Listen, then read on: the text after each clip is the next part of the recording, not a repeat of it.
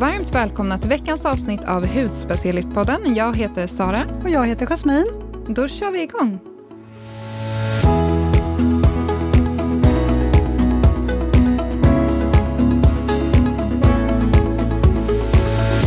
Jasmin, hur står det till? Nej, men alltså, jag har inte riktigt vant mig vid att vara tillbaka på jobbet. Det är lite av en käftsmäll. ja, men det tar ju några veckor innan man kommer in i det. Man är ju lite fortfarande det här semesterlunket. Liksom. Ja, men att det här går upp, i, liksom, att man måste ha en tid att passa. Mm. Eh, det har varit så skönt liksom, att, att få sova För du är ingen morgonmänniska vad jag förstår? Nej, men, jo, ibland kan jag vara det, men inte när jag jobbar.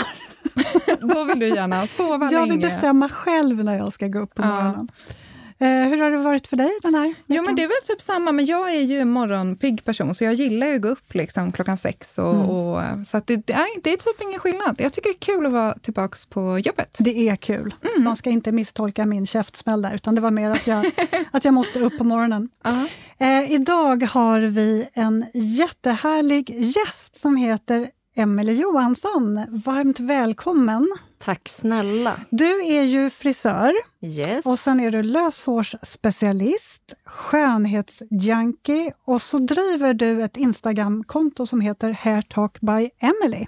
Det stämmer. Ja, yes. vad kul. Varmt Så välkommen. kul att du kunde komma hit idag ja, och prata för att lite... jag får vara här. Ja, prata lite hår och eh, hud och allting helt enkelt. Mm. Vi tänkte väl eh, snudda vid alla ämnen idag. Vi ja. kör allt. Alltså, ja. Vi får ju jättemycket frågor om hårbotten och alla typer av eh, problem. Nu är ju inte vi experter, experter på Nej, det området. Precis. Då tar vi in en expert. Precis, och vi tycker det är så kul att du är här och hjälper oss helt enkelt. Mm, tack snälla. Och där, det hör ju väldigt mycket ihop också, så jag förstår mm. ju att folk undrar just den frågan. Mm. Ja, men precis. precis. Eh, vi har ju såklart lite frågor till dig som vi tänkte att vi kör väl igång dem, va Sara? Vi kör igång på en gång. Ja. Vi kastar oss rakt in i det. Jag tycker det. Eh, och en fråga som vi får väldigt mycket, det är liksom tips om man har en torr hårbotten. Eh, ja, men barn som vuxna, vad kan man göra åt det? Mm.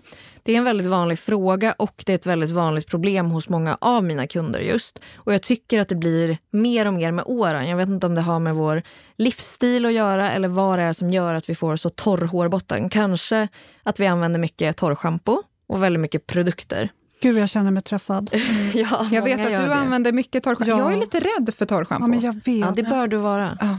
För det är en liten bov som många inte tänker på. Nej. Men det kan vi ju återkomma till. Men just för den torra hårbotten så ska man tänka på vad man har för schampo först och främst. Så kanske ett balanserande schampo för hårbotten om det är det man behöver, att den är lite obalans. Men också att man använder kanske en kur eller att man använder en typ av olja. Och där kan man använda både en fetare olja, typ massera in innan man tvättar håret.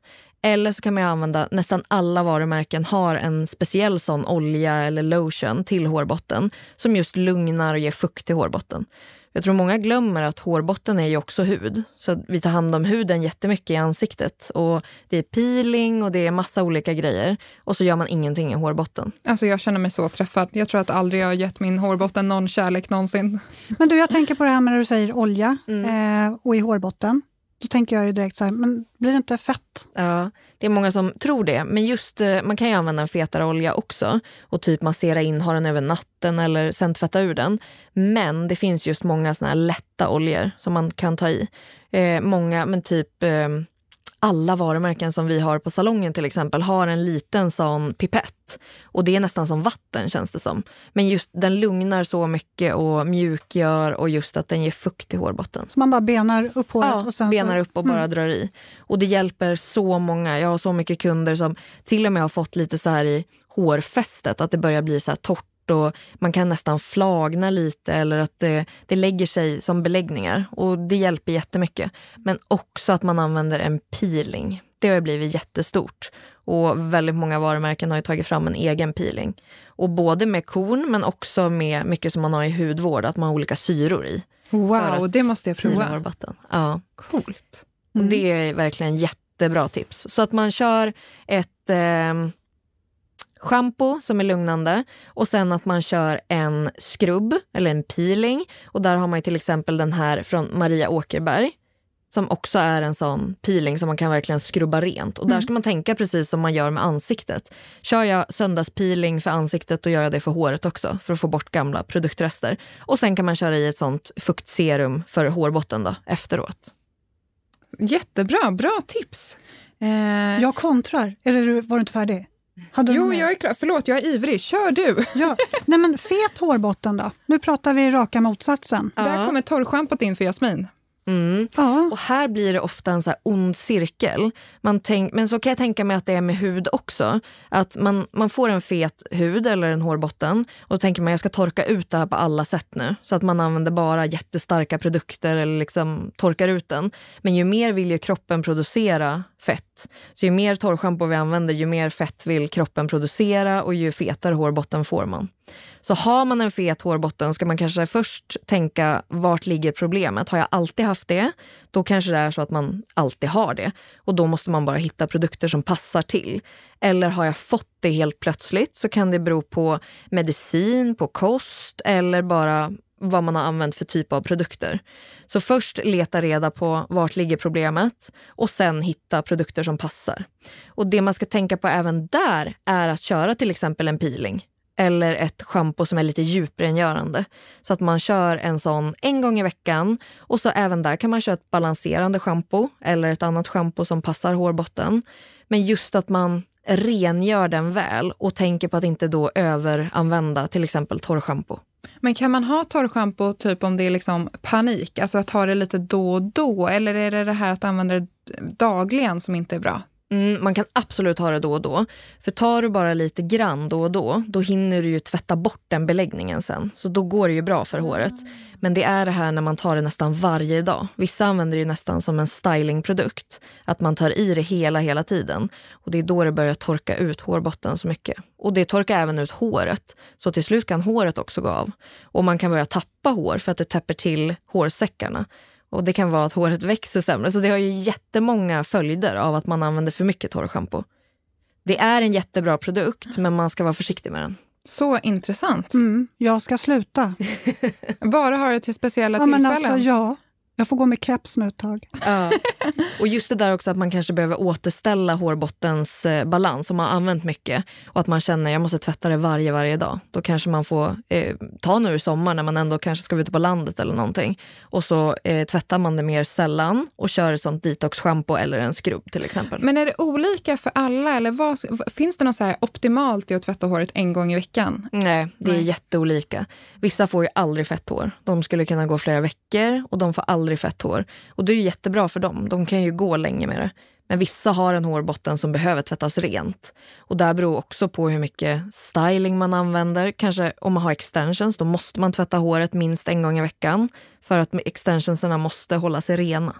Att de inte ska släppa ur håret. Men hur lång tid tar den här avvänjningen då? För att jag märker ju själv att mitt hår blir lätt fett. Jag tycker inte att jag har varken torr eller fet hårbotten egentligen, men håret känns liksom, det blir snabbt fett.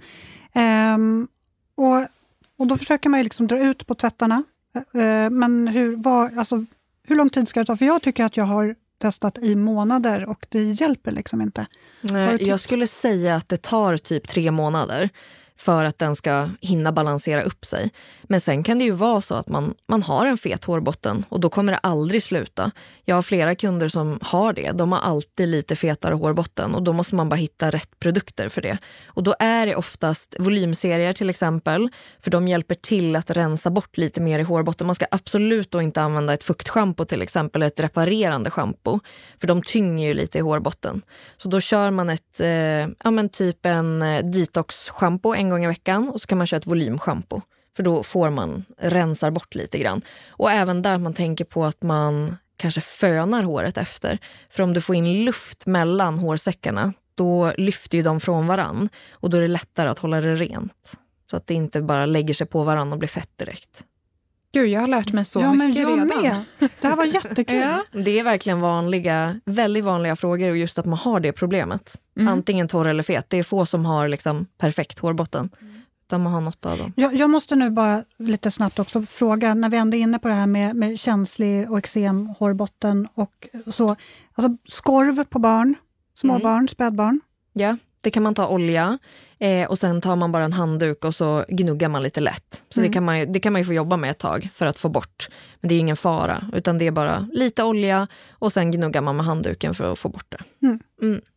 Så bra! Mm.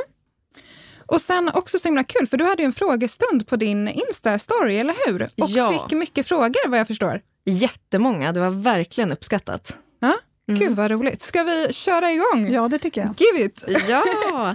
Första frågan då. Uh -huh. Stresshormonakne, hur ska man behandla det? Det här är ju en jättevanlig fråga verkligen och här är det jättetråkigt svar, men man måste ju verkligen ge det här tid.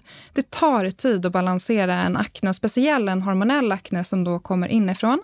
Eh, så att, och viktigt att man har bra produkter. Så hör gärna med en hudterapeut vilka produkter som passar just dig. För kanske din kompis har också akne, men hon har en annan hudtyp eller ett annat annat hudtillstånd.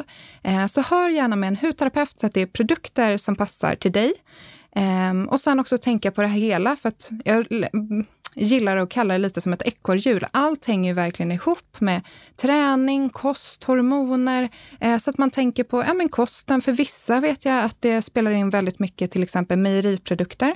För andra kanske inte spelar roll alls. Den här klassiska som folk brukar prata om, det här med choklad. Att man får choklad av finnar. Och det stämmer ju för vissa, men för vissa kanske det inte stämmer. Så där kan man ju prova lite och se vad som, ja, men vad som passar just för, för din hud helt enkelt. Men är det olika då alltså stress och hormonakne? Kan det vara olika, eller olika typer? Liksom? Ja, de kan ju hänga ihop, men det kan ju också vara två olika. Hormonell akne brukar ju ofta sätta sig på käken, eh, kinderna, halsen. Eh, och stressakne är väl ungefär liknande, men kan även sätta sig på andra partier. Ehm, men sen också, just det, man ska ju ge det väldigt mycket tid. Men känner man så att det är otroligt mycket akne och man mår till exempel ja, men dåligt utav det, så skulle jag rekommendera att man går till en läkare och ser om man behöver faktiskt en medicin för att få extra hjälp så att säga. För de kan ju bedöma och se hur, hur allvarligt det är helt enkelt. Just det. Mm. Eh, sen har vi en fråga som är rosacea. Visst säger man då? Rosacea, rosacea ja. Vad ska jag göra? Mm. Rosacea är ju eh, ganska, eller relativt vanligt, skulle jag säga. 5-10 procent av Sveriges befolkning har det. Eh, och det utvecklas ju på grund av eh, förstorade blodkärl. Och man säger att det brukar liksom debutera mellan 30 och 50 års åldern. Oftast kvinnor faktiskt har det. Eh, men det man ska tänka på är ju att försöka undvika det som vidgar kärlen. Eh, och det är ju alkohol, solljus, Stark mat och stress kan också vidga eh, och trigga rosacean så att den blir värre. Och där är det viktigt att man själv också lär känna sin rosacea. Vissa får ju en blommande rosacea av choklad till exempel också. Så att här får man ju känna efter vad reagerar min hy av och på. Men sen är det också viktigt att man, ehm, har man konstaterad rosacea så är det viktigt att man jobbar med lugnande eh, produkter som inte triggar huden. Lugnande, reparerande och stärkande. Eh, och där har ju eh, Syncroline bland annat jättefina produkter. Men det de också har är Rosa Cure Combi som är ett kosttillskott som jag har med mig här också. Eh, och de är ju eh, antiinflammatoriska, kärlskyddande och jobbar ju såklart då rodnadsdämpande också. Så det är bra att hjälpa huden både inifrån och utifrån. Och sen att man då försöker tänka på vad man äter mm. och så att man inte solar för Jag som inte kan det här, hur ser man om man har rosacea? Alltså hur vet man det? Eh, ja, det är ju blossande hy, alltså man, man är ju väldigt röd i huden. Eh, ytliga kärl, vissa får ju nästan som aknebesvär. Eh, och det är ju fokuserat just kring näsa, eh, kinder, haka eh, och lite upp i pannan också. Eh, men här ska man ju egentligen inte vara sin egen läkare. Eh, och vi som hudterapeuter kan ju egentligen inte ställa den diagnosen, även om vi kan Nej, misstänka vi kan, att det är rosacea. Mm. Så där behöver man ju gå till en hudläkare som konstaterar det. Eh, oavsett man har det eller inte, om man misstänker att man har det eller inte, så fokuserar man helt enkelt på att jobba med, med lugnande produkter så det inte blir för, för triggande. Precis, och just de här kosttillskotten som du var inne på. Jag har haft flera kunder som har använt dem och fått otroligt fina resultat. Så att det kan jag varmt tipsa om. De här, för det är ganska unikt. Jag har inte sett att det är något annat märke som har eh, kosttillskott just framtagna till en rosacea. Så det är kul. Mm. Äter man det som en kur då, eller äter man det jämt? Eh, som en kur främst. Men sen tror jag att man kan även äta det eh, färre kapslar, men att du äter det under hela tiden. Just de här äter ju utifrån hur hur mycket rosacea du har. så att säga. Har du en mildare så tar du färre kapslar om dagen. Och sen så, det finns en, det är någon slags trestegs eh, dosering. Då. Så har du riktigt besvärande rosacea så tar du maximal dos. Ja. Mm. Sen en fråga som har varit väldigt många som har ställt. Tips mot pigmentfläckar. Ja, pig Pigmenteringar är ju, det är ju väldigt svårt. Så återigen, där lite som jag var inne på med akna, man måste ha tålamod. Pigmenteringar skulle jag kunna säga att det, det tar, kan ta upp till ett år innan man ser resultat. Men det allra, allra viktigaste är att ha ett solskydd och ha ett solskydd varje dag. Även fast det är november, det är liksom, du ser inte, inte sett solen på flera dagar, så måste du ha ett solskydd. Eh, för att om du har pigmenteringar så har du också lättare att få fler pigmenteringar och då för att förebygga att de här nya inte uppkommer. Så solskydd, gärna SPF 50 varje dag. Eh, och sen jobba med bra produkter. Om din hud klarar av det så skulle jag gärna addera lite syra och retinol som är väldigt cellförnyande, väldigt bra på att liksom jämna ut eh, och minska pigmenteringarna. Sen finns det även bra produkter om man inte vill jobba med syra och retinol. För syra och retinol har ju en effekt på huden så att den blir ljuskänslig.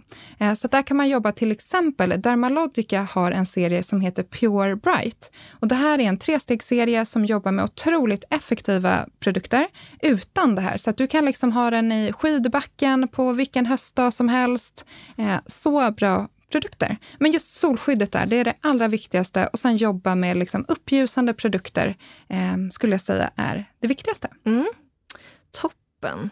Eh, ibland börjar ansiktskrämer eller foundations korva sig och flagna av. Varför? Mm. Det märker man ju att det, det händer ju ibland. Ja. Det är så irriterande ja, när det, det händer. väldigt irriterande. Ja, och den här frågan får jag väldigt ofta om jag tipsar om kanske en ansiktsmask eller någonting. Att så här, när jag la på foundation sen så började den korva sig. Och då undrar jag också vad, vad ja, beror det på? Eh, oftast så beror det ju, eller ofta så beror det ju på olika konsistenser på produkter. Om man jobbar med serum och krämer och foundations, om, om det är några av dem som är silikonbaserade. Alltså alla produkter gifter sig tyvärr inte helt med varandra. Eh, och sen också kan det bero på layering om man har alldeles för mycket produkter på huden, för huden suger åt sig det den behöver. Och eh, resterande har ju en tendens att eh, bli kvar på ytan, så det kan också ge lite av den effekten. Men man kan ju lura produkterna lite grann. Mm -hmm.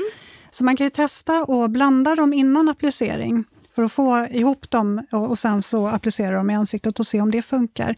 Eh, man kan också prova att vänta lite mellan appliceringarna eller klappa in.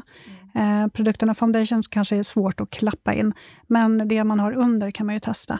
Eh, sen tycker jag också att man ska testa lite olika konstellationer. Man kanske känner att ah, det, här, det här serumet, varje gång jag har just det serumet så funkar det inte med den här foundation. Och att man testar en annan eh, duo helt mm. enkelt och se om det Men är det en specifik produkt oftast? Alltså att det är ett serum som gör det eller kan det vara vad som helst? Nej, men det kan nog vara vad som helst. Jag tror att det har med, med ingredienserna att göra faktiskt. Mm. det är så svårt att säga. Jag är ju inte någon kemist så, men eh, jag har själv märkt att eh, några serum som jag har och några krämer trivs inte med några av mina foundations, utan då, då hittar jag en annan som mm. funkar bättre. Och nästa fråga är ju ganska passande då. Finns det några regler hur man får blanda produkter från olika varumärken? Ja, det finns ju tyvärr det. Mm. så några, eller det finns några guidelines som jag brukar säga att kan vara bra att hålla sig till. Och Det är framförallt om du är ny till aktiv hudvård, så att du inte använt ja, men till exempel syra och retinoler innan, så skulle jag rekommendera att det är bra att hålla sig till ett märke. Och Det har att göra med att eh, produkter från samma märke och samma linje eller serie är ju framtagna för att boosta varandra, så att de liksom kompletterar varandra i hudvården helt enkelt. Sen även om du har en känslig hud så kan det vara bra att hålla sig till samma serie. Och det har att göra med också att det blir, om du tar en rengöring från ett märke och så tar du ett serum från ett annat och så vidare, då blir det otroligt mycket nya ingredienser för huden. För samma serie har ju ofta samma liksom basingredienser. Eh, så där kan det vara viktigt att liksom, ja, men man försöker hålla sig till, till samma serie. Sen om man har en tålig hud, du vet liksom vad din hud klarar av så att säga, ja, men då går det ju bra att mixa lite mer helt enkelt. Men om man då vill komplettera med till exempel en mask, mm. Spelar det någon roll då? Om den masken kanske har syror i sig eller så? Behöver det vara från samma märke? Nej, och, eller det beror på. Har du en väldigt känslig hud, ja, men då skulle jag skippa och lägga till ett annat märke. Men annars så skulle jag säga att då, då kan du addera från ett annat märke. Det man ska tänka på också, det glömde jag faktiskt att säga där, men att det är väldigt viktigt att man inte har syra från olika märken i din dagliga hudvårdsrutin. Sen om du har en tålig hy, då kan du som du var inne på lägga till en mask från ett annat märke som till exempel har syra, men att du då ha den eftersom du inte har den eh, varje dag. Mm. Jag förstår. Eh, nästa fråga då. Peri... Oral. Dermatit. Det är inte så lätt. Långt Nej, jag vet inte ens vad det är, men det var många som frågade om just det och hur man behandlar det. Så ni kanske kan börja förklara vad det är för någonting. Ja, perioral dermatit det kan ju triggas av eh, för starka produkter. Ehm, och det, blir det sätter sig just oralt kring munnen, så runt näsan eh, och runt munnen. Och man blir ju oftast lite röd, lite småpliter kan man få. Eh, flygvärdinne sjukan, var det det du sa Sara? Ja men precis, det kallas ju också för det. Mm. Eh, eller det gjorde det tidigare helt enkelt. Ja, eh, och det det man kan tänka på där, när man har perioral dermatit eller när den blommar och är som värst, då ska man ha eh, då är det noll tolerans på produkter, alltså det är nollbehandling. Man ska inte behandla området, man ska låta det vara. Eh, sen när det har lagt sig, den värsta rodnaden har lagt sig och att det inte är lika irriterat, då kan man börja jobba med lugnande och reparerande produkter. Eh, sen är det många som också frågar om de kan använda sin vanliga rutin i resten av ansiktet när de har det här, eller om de måste liksom låta hela ansiktet vara. Och bara man undviker det området så, så funkar det bra. Men man måste också vara noga med att det inte kommer eh, aktiva produkter där, så att man triggar det ännu mer. Eh, så lugnande, reparerande produkter är det som eh, rekommenderas. Sen vet jag faktiskt, just BHA-syra har jag haft kontakt med flera kunder. Eh, Paula's Choice har en BHA Liquid som du kanske mm, känner till. Älskar ja. den. eh, där är det faktiskt flera som har märkt att när de använder den så får de skov mycket mer sällan. Eh, och där är det ju såklart väldigt individuellt. Det kanske inte är så för alla. Men det är också intressant att eh, flera har märkt stor skillnad. Sen har ju BHA Calm en mycket lättare BHA också med bara 1% som är mer specifikt för en känslig hy. Den kan ju vara bra att börja Den med. Den kan vara bra att börja med, precis. Mm. Eh, men det, det kan man ju också testa om man, om man vill och törs. Mm. Toppen. Eh, någon som frågar här, är väldigt torr, vad är bästa tipsen? Ja, eh, då behöver du ju näring. Vi kan börja med att det är ju skillnad på näring och fukt. Så fukt behöver alla hudtyper. Fukten är det som gör att ja, men huden plumpas, gör att du absorberar dina produkter bättre. Men en torr hud behöver även näring. Så det är viktigt att man inte bara, fukt absolut, det är jätte, jättebra, men att man också adderar näring. Och näring är ju då kanske lite rikare krämer, eh, gärna en olja innan din kräm för att verkligen liksom ge den här näringsboosten helt enkelt. Så på, jobba flera flera lager gärna. Eh, sov till exempel med en mask. Jag, på vintern blir jag också lite, eller blir väldigt lätt torr. Då brukar jag sova med en fuktmask liksom, för att boosta lite extra helt enkelt. Så det, på med näringen och fukten. Mm. Eh, en annan eh, grej jag tänkte på där, för mm. jag har varit väldigt yttorr och då har det känts som att ingenting går in. Även om jag använder såna produkter så är det som att ingenting riktigt går in. Behöver man exfoliera mer då eller vad ska man tänka på om man känner att det inte går in sådär? Ja men precis, då skulle jag säga att man vill verkligen exfoliera för att få bort de här liksom, gamla hudcellerna som ligger där och man kan säga att det blir liksom som ett litet lock. Så man vill verkligen få bort dem. Sen om man har känslig hud så tänk på att välj kanske en enzympeeling Peelingen är lite mildare. Ehm, och sen så på med den här fukten. Och lite samma sak där, där ska man ju vara försiktig. För att om det är så att du bara är yttorr eh, och kanske har en blandhy i vanliga fall, då ska du ju ha den här fukten. Adderar du för mycket olja och näring, då kan det ju bli att det blir lite för tungt helt enkelt. Ehm, så i det fallet så är det mer fukt man ska ha. En härlig fuktmask är ju jättebra. Mm. Jag tänkte nog flika in där också, för när man känner ibland att man yttorr och att produkterna inte riktigt mm. går in och man tänker att men jag tycker att jag pilar huden och det funkar i alla fall inte. Testa ett serum i en annan konsistens. Eh, det finns ju vattenbaserad, det finns gel, det finns lotion och det finns olja. Jag själv tycker att när huden känns där lite extra torr, att jag gärna väljer någonting som är eh, lite mer som en lotion och inte olja eller gel. Eh, så det är också ett tips att man verkligen försöker hitta sitt serum som, som den egna huden verkligen tar till sig av. Just det, så att man kan testa att byta det istället för att mm. se om den går in bättre. Precis. Mm. Nästa fråga här är om man inte har råd med så många produkter, vad bör man satsa på? Det känns som att det är jättemånga som har frågat det här. Att man kanske säger, jag vill inte köpa eh, tio produkter till att börja med. Vad ska man satsa på för produkter Jag vill börja tipsa om ett av våra första poddavsnitt som hette just hudvård för nybörjare. Ja, det var väldigt just... bra om man får säga så. Ja, ja men där, där går vi igenom just eh, olika rekommendationer för olika hudtyper. Basrutiner en helt basrutin, enkelt. Precis. Eh, men just serum eller rengöring, exfoliering eller serum, dag och nattkräm. Så det är fyra produkter. Mm. Och när jag säger exfoliering eller serum så är det just för att det beror ju alldeles på vad din hud behöver. Är du en riktig torris, då är det bättre att satsa på ett fuktserum så att du möter upp dina krämer än att du har en exfoliering. Å andra sidan exfolieringen, perfekt om man vill liksom avlägsna de torra hudcellerna. Eh, men, eller om man har en aknebenägen hy så kan det vara bra att börja med exfolieringen som kanske NBHA som jobbar lite mer antiinflammatoriskt, öppnar upp porerna och så vidare. Eh, så där får man ju liksom anpassa lite, men åtminstone en bra rengöring, eh, dag och nattkräm då och eller serum eller eh, exfoliering. Mm. Perfekt. Ja. Ja, så kul att svara på de här frågorna. Blev, ja, får hoppas att det blev bra där. Jo, men jättekul att få... Det här är ju frågor som vi ofta får och ja. det är ju återkommande och kul att, att uh, du fick just de här frågorna också. Ja. Mm. Vi får göra egna avsnitt till varje av de här frågorna, för det var otroligt bra frågor verkligen. Ja. Så ja, tack så mycket. Men du, innan vi slutar här, vi vill ju höra, har du några favorithudvårdsprodukter? Det har jag.